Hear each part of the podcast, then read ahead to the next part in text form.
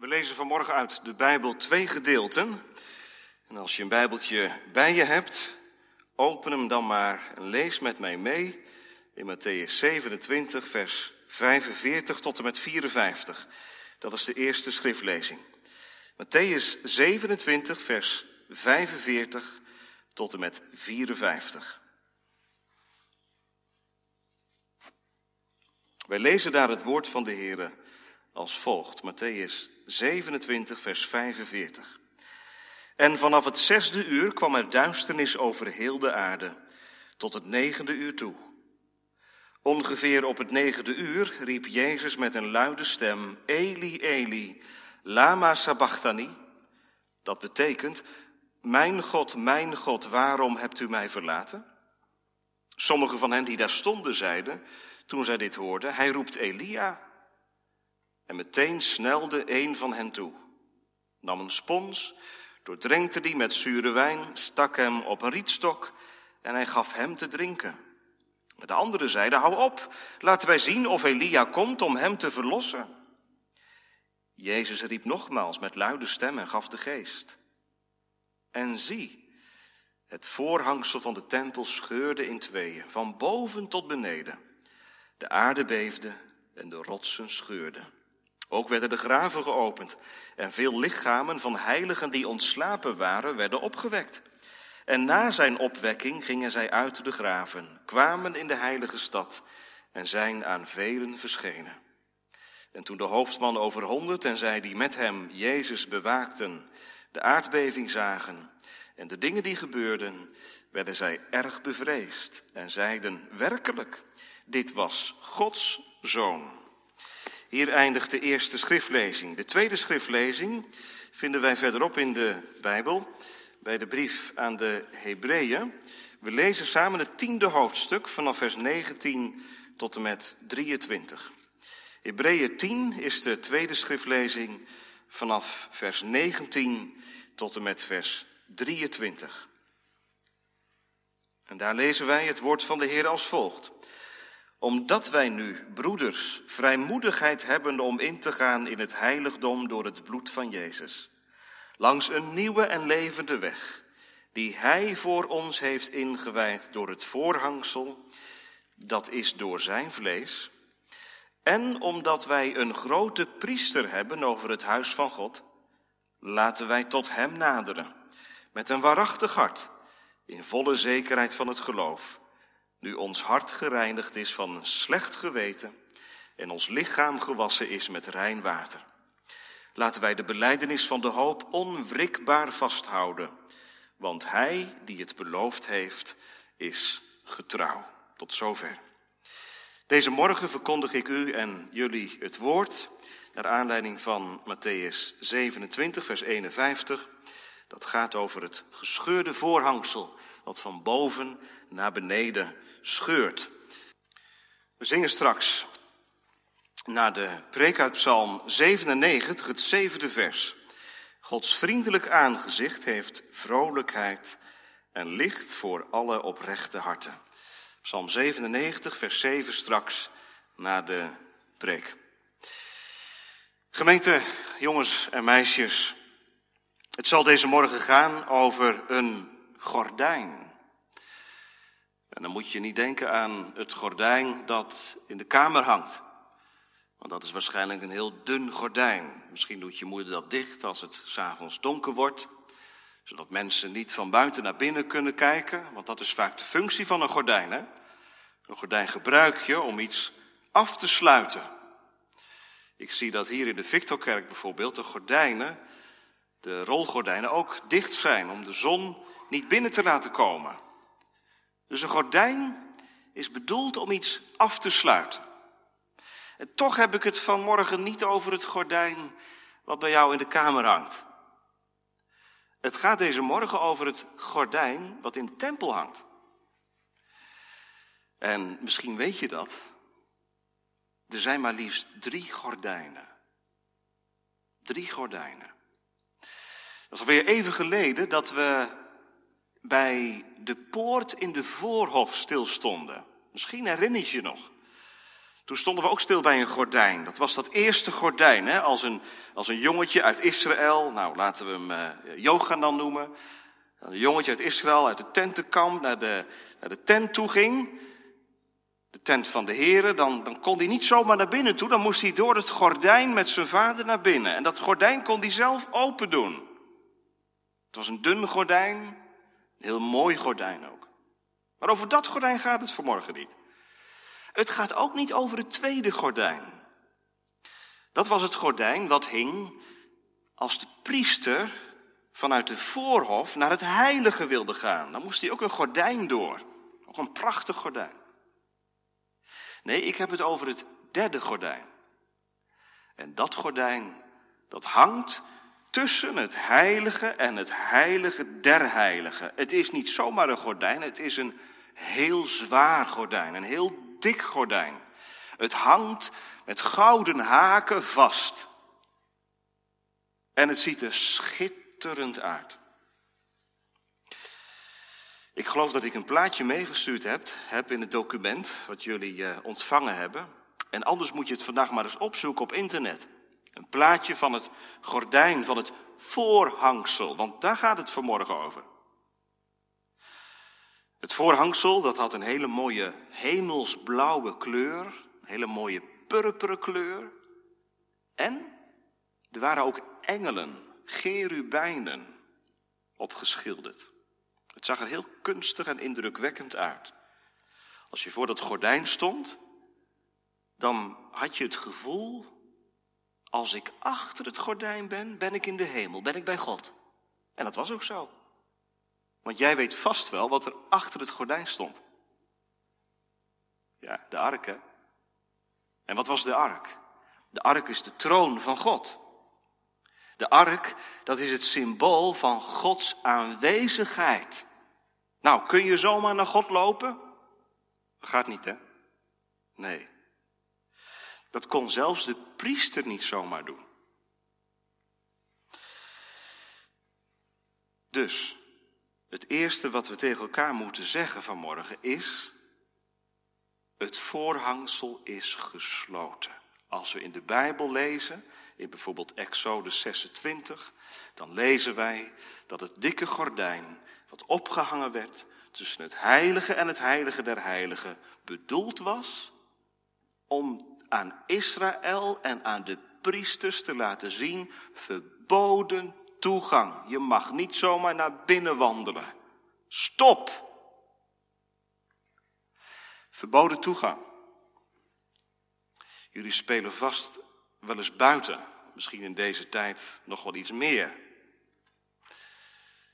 En dan ben je vast wel eens zo'n bordje tegengekomen. Verboden toegang, zo'n blauw bordje, weet je dat, met van die witte letters.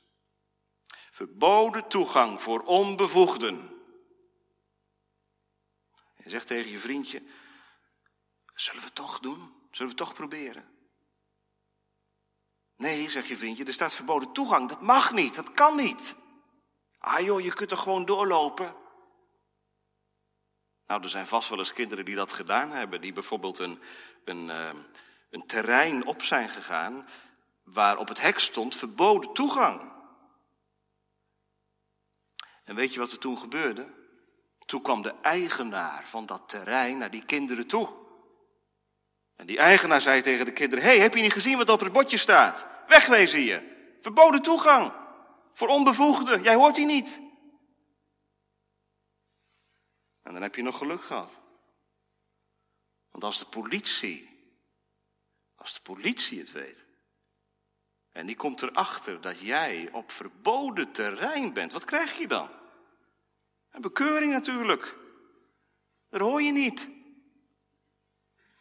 Nou is een bekeuring heel erg en heel vervelend. Maar weet je, als je het gordijn in het heilige der heiligen zomaar opzij schuift en naar binnen gaat richting de ark, weet je wat God dan zegt? Dan zul je sterven. Verboden toegang voor onbevoegden. Jij kunt niet bij mij komen. En lieve kinderen, dat is, dat is een, een lijn in de Bijbel die we niet mogen vergeten. Wij kunnen niet bij God komen. Wij kunnen niet bij God komen. Verboden toegang. Weet je wat het mee te maken heeft? Met wat Adam en Eva in het paradijs gedaan hebben. Je hebt vast wel eens gehoord van het woord zondeval. Zondeval. En dat is er gebeurd. Een zondeval. We zijn gevallen. We zijn van God afgevallen. We zijn van God afgedwaald. En wij kunnen niet zomaar weer naar God toe. Dat gaat niet. Weet je hoe ik dat weet? Omdat bij het paradijs, bij de ingang, twee engelen stonden met vurige zwaarden. Lees maar na in je Bijbeltje. En die engelen met vurige zwaarden, die zorgden ervoor dat niemand zomaar meer het paradijs binnen kon gaan. Adam en Eva moesten eruit. En bij de ingang van het paradijs stond een bord. Verboden toegang voor onbevoegden. En als je toch naar binnen wilt, zul je sterven. Zo erg is het.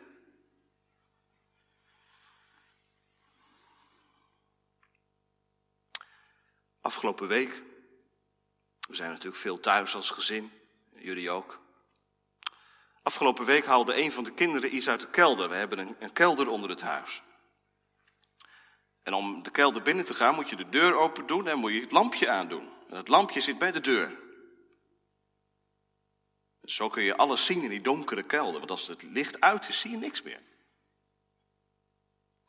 En wat gebeurde er? Ik kwam van boven naar beneden en ik zag de deur van de kelder openstaan en het licht aan. Dus ik dacht, nou, dat licht ga ik even uitdoen. En de deur weer dicht. Dus ik deed het licht uit en de deur dicht. En weet je wat er toen gebeurde? Toen begon iemand te schreeuwen. Hé, hey, ik zit hier! Dat was een van mijn kinderen, die nog in de kelder zat. En die schrok geweldig. Die kon de weg niet meer vinden. Het was helemaal donker. Dus toen deed ik de deur weer open en het licht snel aan. Ik zei, sorry jongen, dat wist ik niet. Het was licht en het werd ineens helemaal donker. En mijn zoon kon, kon, kon de uitgang niet meer vinden. Nou, dat is nou wat er gebeurd is door de zondeval. Wij leven in het donker. Wij leven gescheiden van God. En we kunnen de uitgang niet vinden, want het lichtknopje kunnen we niet bij. We zitten in de kelder. Iemand anders moet het licht aandoen. En anders dan blijf ik in die donkere kelder zitten.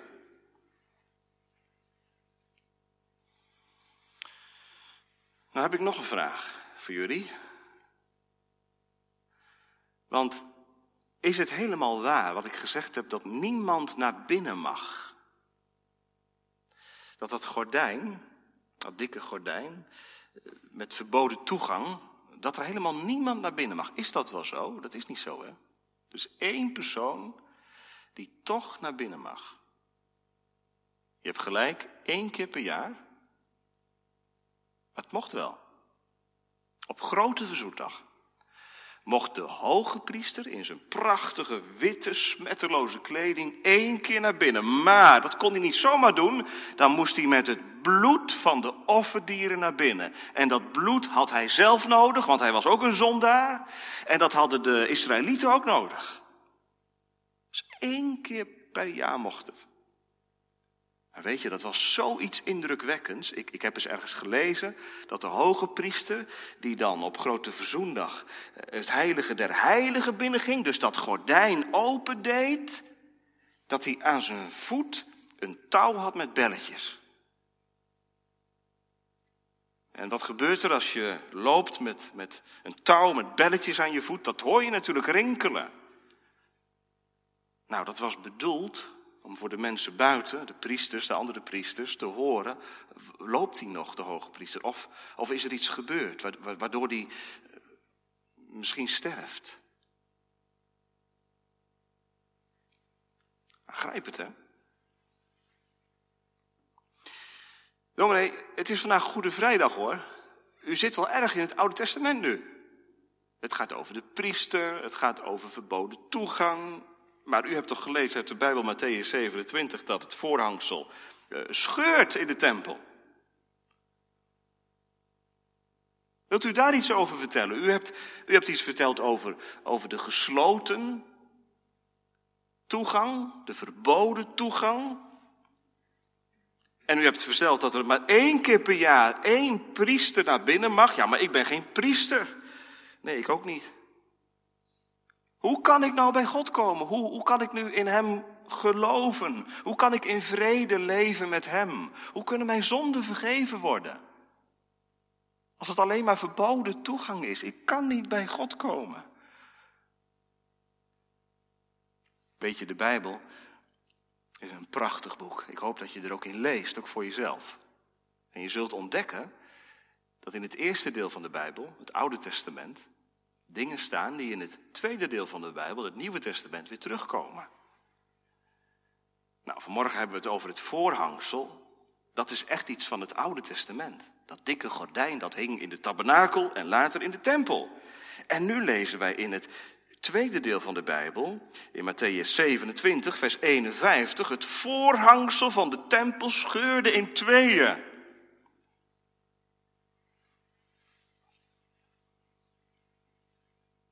Hoe is dat mogelijk? Wat gebeurt er? Dat kan toch niet?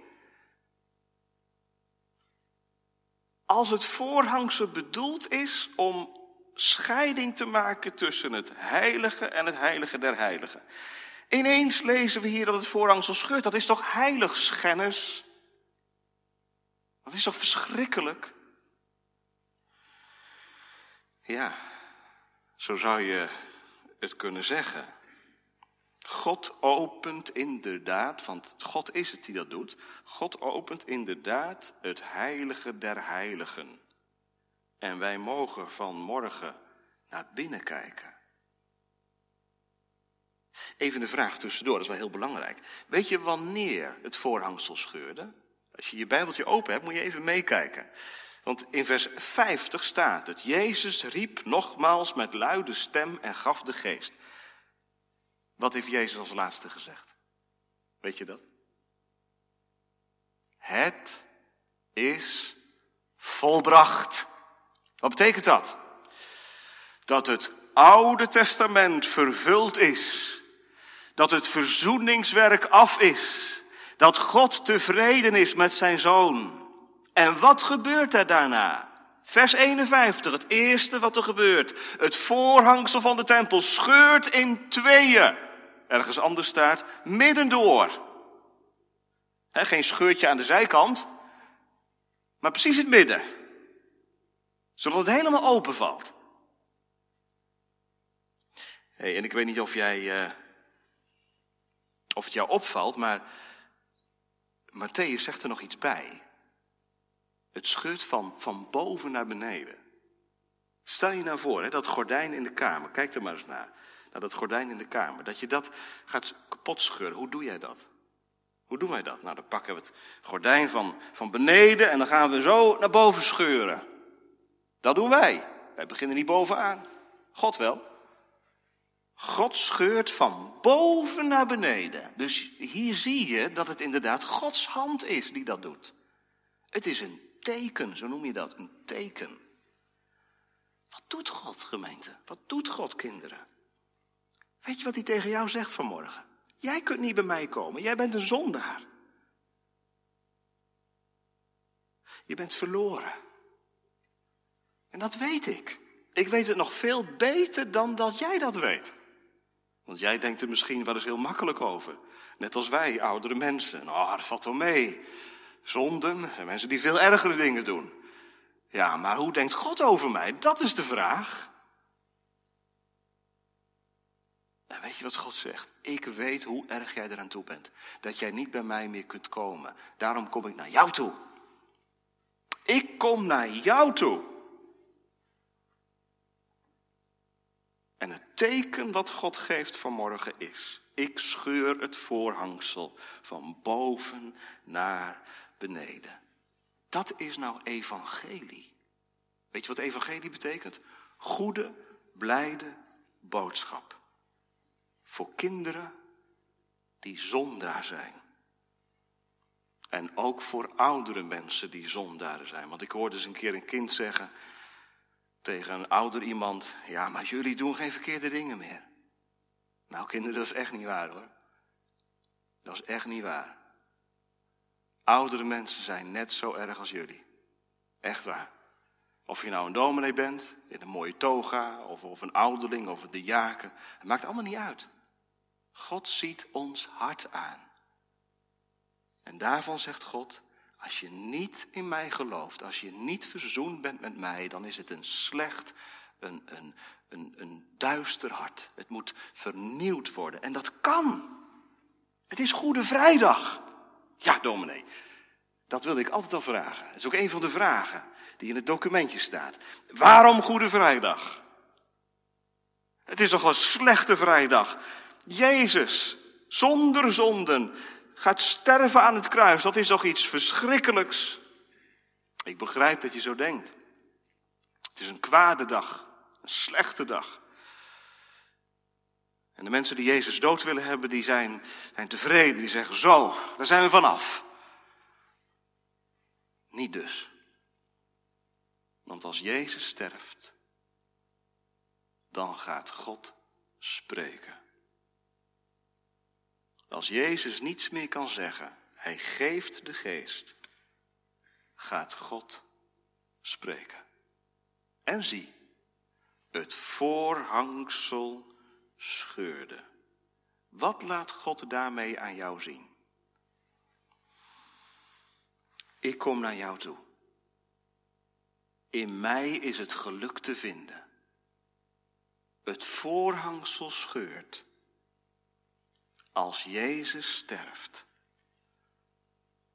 Er is zomaar een toegang gekomen. In plaats van verboden toegang is er nu een open toegang geworden. Het bordje is weggehaald. Wie heeft dat gedaan? Dat heeft Jezus gedaan.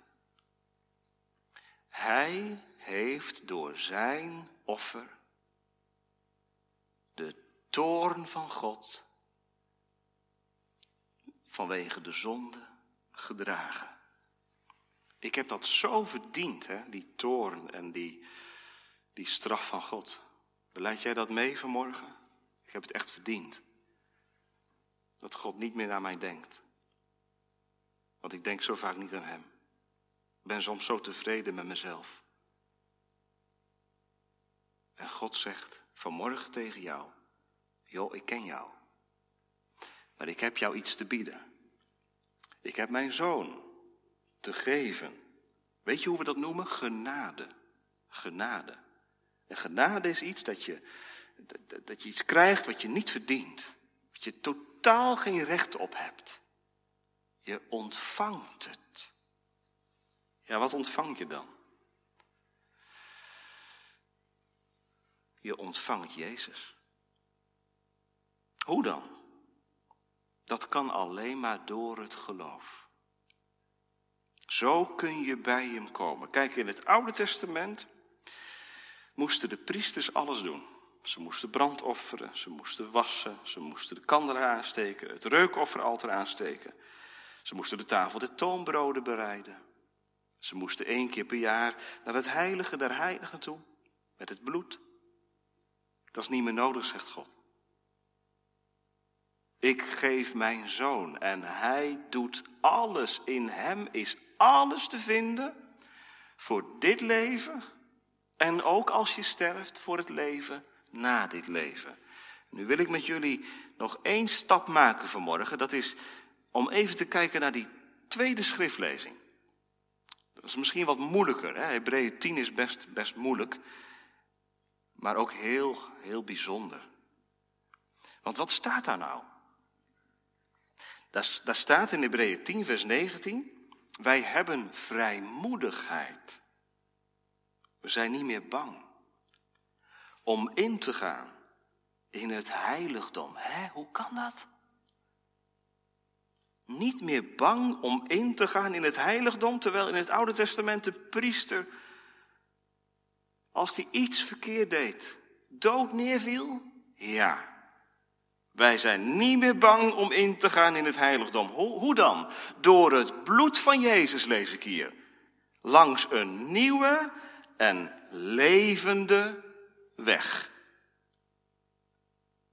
Die Hij voor ons heeft ingewijd door het.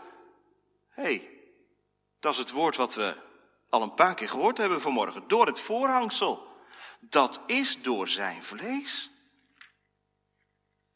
Hoor je dat? Wat staat hier? Het voorhangsel, dat dikke gordijn, hè? Dat is eigenlijk Jezus zelf. Wat is er met Jezus gebeurd? Hij is gescheurd. Gescheurd aan het kruis. Opengescheurd, letterlijk opengescheurd ook. En door Hem mogen wij tot God gaan. Het is een nieuwe en levende weg die ik vanmorgen jou mag aanwijzen. En ik mag tegen je zeggen, kom maar, kom maar en wandel op die nieuwe en levende weg. Hoe doe je dat dan? Twee dingen. Misschien heb jij wel een oma of een opa of een vader of een moeder die van harte gelooft in de Heer Jezus, aan wie je merkt, zij of hij houdt van de Heer Jezus. Jezus is alles voor hem of voor haar. Nou, jouw vader of je moeder, je opa of je oma of nog iemand anders, misschien iemand in de gemeente die je kent, die heeft in het verleden, is in het verleden tot geloof gekomen heeft ontdekt, ik ben een zondaar. En mijn zonden kunnen alleen maar verzoend worden als ik bij, bij Jezus kom. Dat heeft hij gedaan, of dat heeft zij gedaan. Vroeger. En weet je, nog verder geleden, eeuwen geleden, waren er ook al mensen die geloofden in de Heer Jezus. Er zijn al zoveel miljoenen mensen over deze weg van het geloof gegaan. En vandaag zeg ik in 2020, het is toch een nieuwe weg. Alle wegen in Apeldoorn zijn geasfalteerd. Maar na 20, 30 jaar moet er weer een nieuwe laag asfalt over. Hoe komt dat? Nou, er, er rijden auto's overheen, die, die weg gaat kapot. Door de weersomstandigheden verslechtert de toestand van die weg. Het is steeds weer nodig om de weg te vernieuwen. Maar ik mag vanmorgen in 2020, in deze moderne tijd, precies hetzelfde verkondigen als 500 jaar geleden en, en 1000 jaar geleden. Er is maar één weg tot God en dat is de weg via Jezus. Ik ben de weg, de waarheid en het leven. Ja, maar hoe gaat dat dan? Hoe kun je dan bij God komen? Het is een nieuwe en levende weg. Dat is een beetje apart, hè? Een levende weg? Hoe kan een weg nou leven? Een weg is toch dood? Misschien ben je wel eens met het pontje overgeweest naar de stad Deventer. Dat hebben wij pas al een keer gedaan. Voor de coronatijd. Met het pontje over naar Deventer. Wat gebeurt er dan? Je stapt op zo'n pontje met z'n allen. En je ziet aan de overkant Deventer liggen. Maar je kunt er niet komen. Tenzij het pontje gaat varen. Dan beweegt het pontje van de ene kant naar de andere kant. En dan ben je aan de overkant. Je doet er niets voor. Je staat alleen maar, je kijkt ernaar. En je vertrouwt erop dat die man daar in die stuurhut het goed doet. Een stukje geloof, vertrouwen. Dat die man niet zomaar iets, iets doet. Dat is een levende weg. Jezus is een levende weg. Hij weet hoe jij bij God kunt komen. Hoe dan? Ik durf niet, zegt iemand. Ik ben zo slecht. Dominee, als ik s'avonds in bed lig, dan denk ik wel eens aan de verkeerde dingen die ik doe. En de verkeerde gedachten die ik heb. Ik ben soms zo, zo boos op mijn broertje. Ik doe soms zulke nare dingen tegen mijn zusje. Ik, ik doe ook soms heel stiekeme dingen waar mijn vader niets van af weet. En soms ben ik heel boos op mijn moeder. En dan denk ik achteraf, het was helemaal niet nodig. Dat is je geweten dat spreekt. En je geweten zegt, je hebt slechte dingen gedaan. En de duivel zegt, je bent een zondaar, je bent een zondaar. En Jezus zegt dan, kom tot mij, kom tot mij, kom tot mij. De verse, de nieuwe en levende weg is ingewijd. Ik kan met jouw zonden iets wat jij niet kunt. Jij kunt je zonde niet wegnemen. Jij kunt je zonde niet vergeven.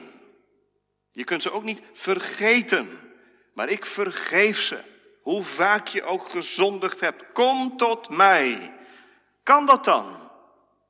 Kan dat dan zomaar? Het voorhangsel is gescheurd, lieve kinderen. Dat betekent dat er een mogelijkheid is om tot God te gaan. Welk een vriend is onze Jezus die in onze plaats wilde staan. Welke voorrecht dat wij altijd door Hem tot God kunnen gaan. En weet je, dan kun je het zeker weten hoor. Er zijn misschien kinderen die zeggen, ja, maar je weet het nooit zeker of je bekeerd bent. Nou, dat is niet waar. Dat kun je echt weten. De Heere God houdt er ook van. Dat mensen met zekerheid dat kunnen zeggen. Dat kinderen eenvoudig geloven. Jezus is voor mij aan het kruis gestorven. Het is niet ingewikkeld. Wij maken het ingewikkeld. Het is eenvoudig. Bij de doop heeft God het al tegen je gezegd. Jij bent in zonde ontvangen en geboren.